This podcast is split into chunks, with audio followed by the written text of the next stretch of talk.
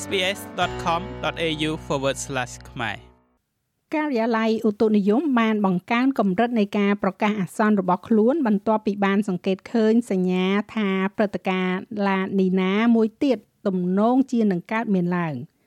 La Nina Alert របស់ការិយាល័យនេះមានន័យថាវាមានឱកាស70%នៃព្រឹត្តិការណ៍ដែលនឹងកើតឡើងក្នុងអំឡុងពេលនីតិខៈរដូវ ដោយដែលបានកើតឡើងរាល់ពេលដែលការក្រើនរំលឹកត្រូវបានលើកឡើងកាលពីអតីតកាលការិយាល័យឧតុនិយមកំពុងព្យាករថានឹងមាននីតិខៈរដូវដែលត្រជាក់ហើយសើមនោះក៏ព្រោះតែព្រឹត្តិការណ៍ឡានីណាមួយទៀតទំនងជានឹងកើតឡើងការិយាល័យនេះប្រើប្រាស់មាត្រដ្ឋានដើម្បីបង្ហាញពីការរំពឹងទុករបស់ខ្លួនចំពោះព្រឹត្តិការណ៍ឡានីណា ដែលកើតឡើងក្នុងឆ្នាំនេះ ហើយឥឡូវនេះ គេបានផ្លាស់ប្ដូរមាត្រដ្ឋាននោះ ពីការឃ្លាំមើល La Nina Watch ទៅជាការក្រើនរំលឹក La Nina Alert វិញ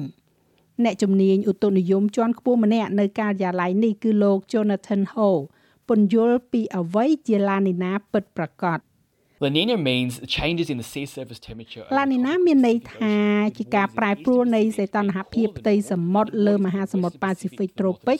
ដោយទឹកនៅតំបន់ប៉ាស៊ីហ្វិកខាងកើតត្រជាក់ជាងធម្មតាហើយទឹកនៅប៉ាស៊ីហ្វិកខាងលិចទៅខាងជើងនៃប្រទេសអូស្ត្រាលីក្តៅជាងធម្មតា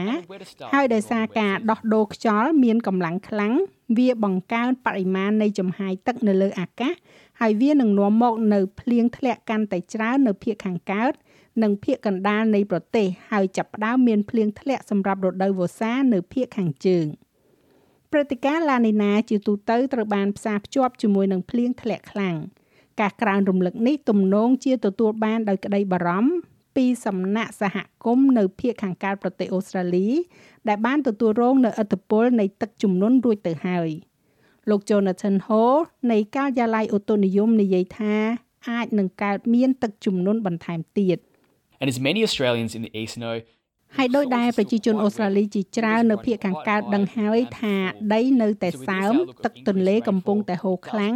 ហើយទំនប់ក៏ពេញព្រៀបដូច្នេះជាមួយនឹងការប្រមាលមើលអំពីការកើនឡើងនៃទឹកភ្លៀងនេះវានាំមកនៅហានិភ័យទឹកជំនន់កើនឡើង សម្រាប់តំបន់ភាគច្រើននៅភាគខាងកើតអូស្ត្រាលីប៉ុន្តែព្រឹត្តិការណ៍ឡានីណាមិនមែនត្រឹមតែប៉ះពាល់ដល់ផ្នែកខាងកើតនៃប្រទេសប៉ុណ្ណោះទេ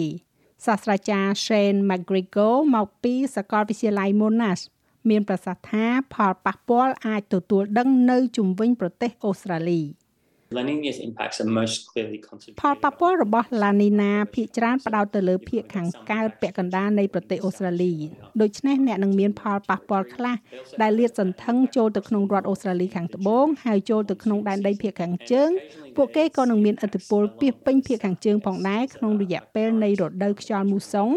ហើយម្ដងម្កាលមានផលប៉ះពាល់នៅភាគនិរតីវាមានចរន្តហូរមកជុំវិញនោះដែលហៅថាចរន្ត Levin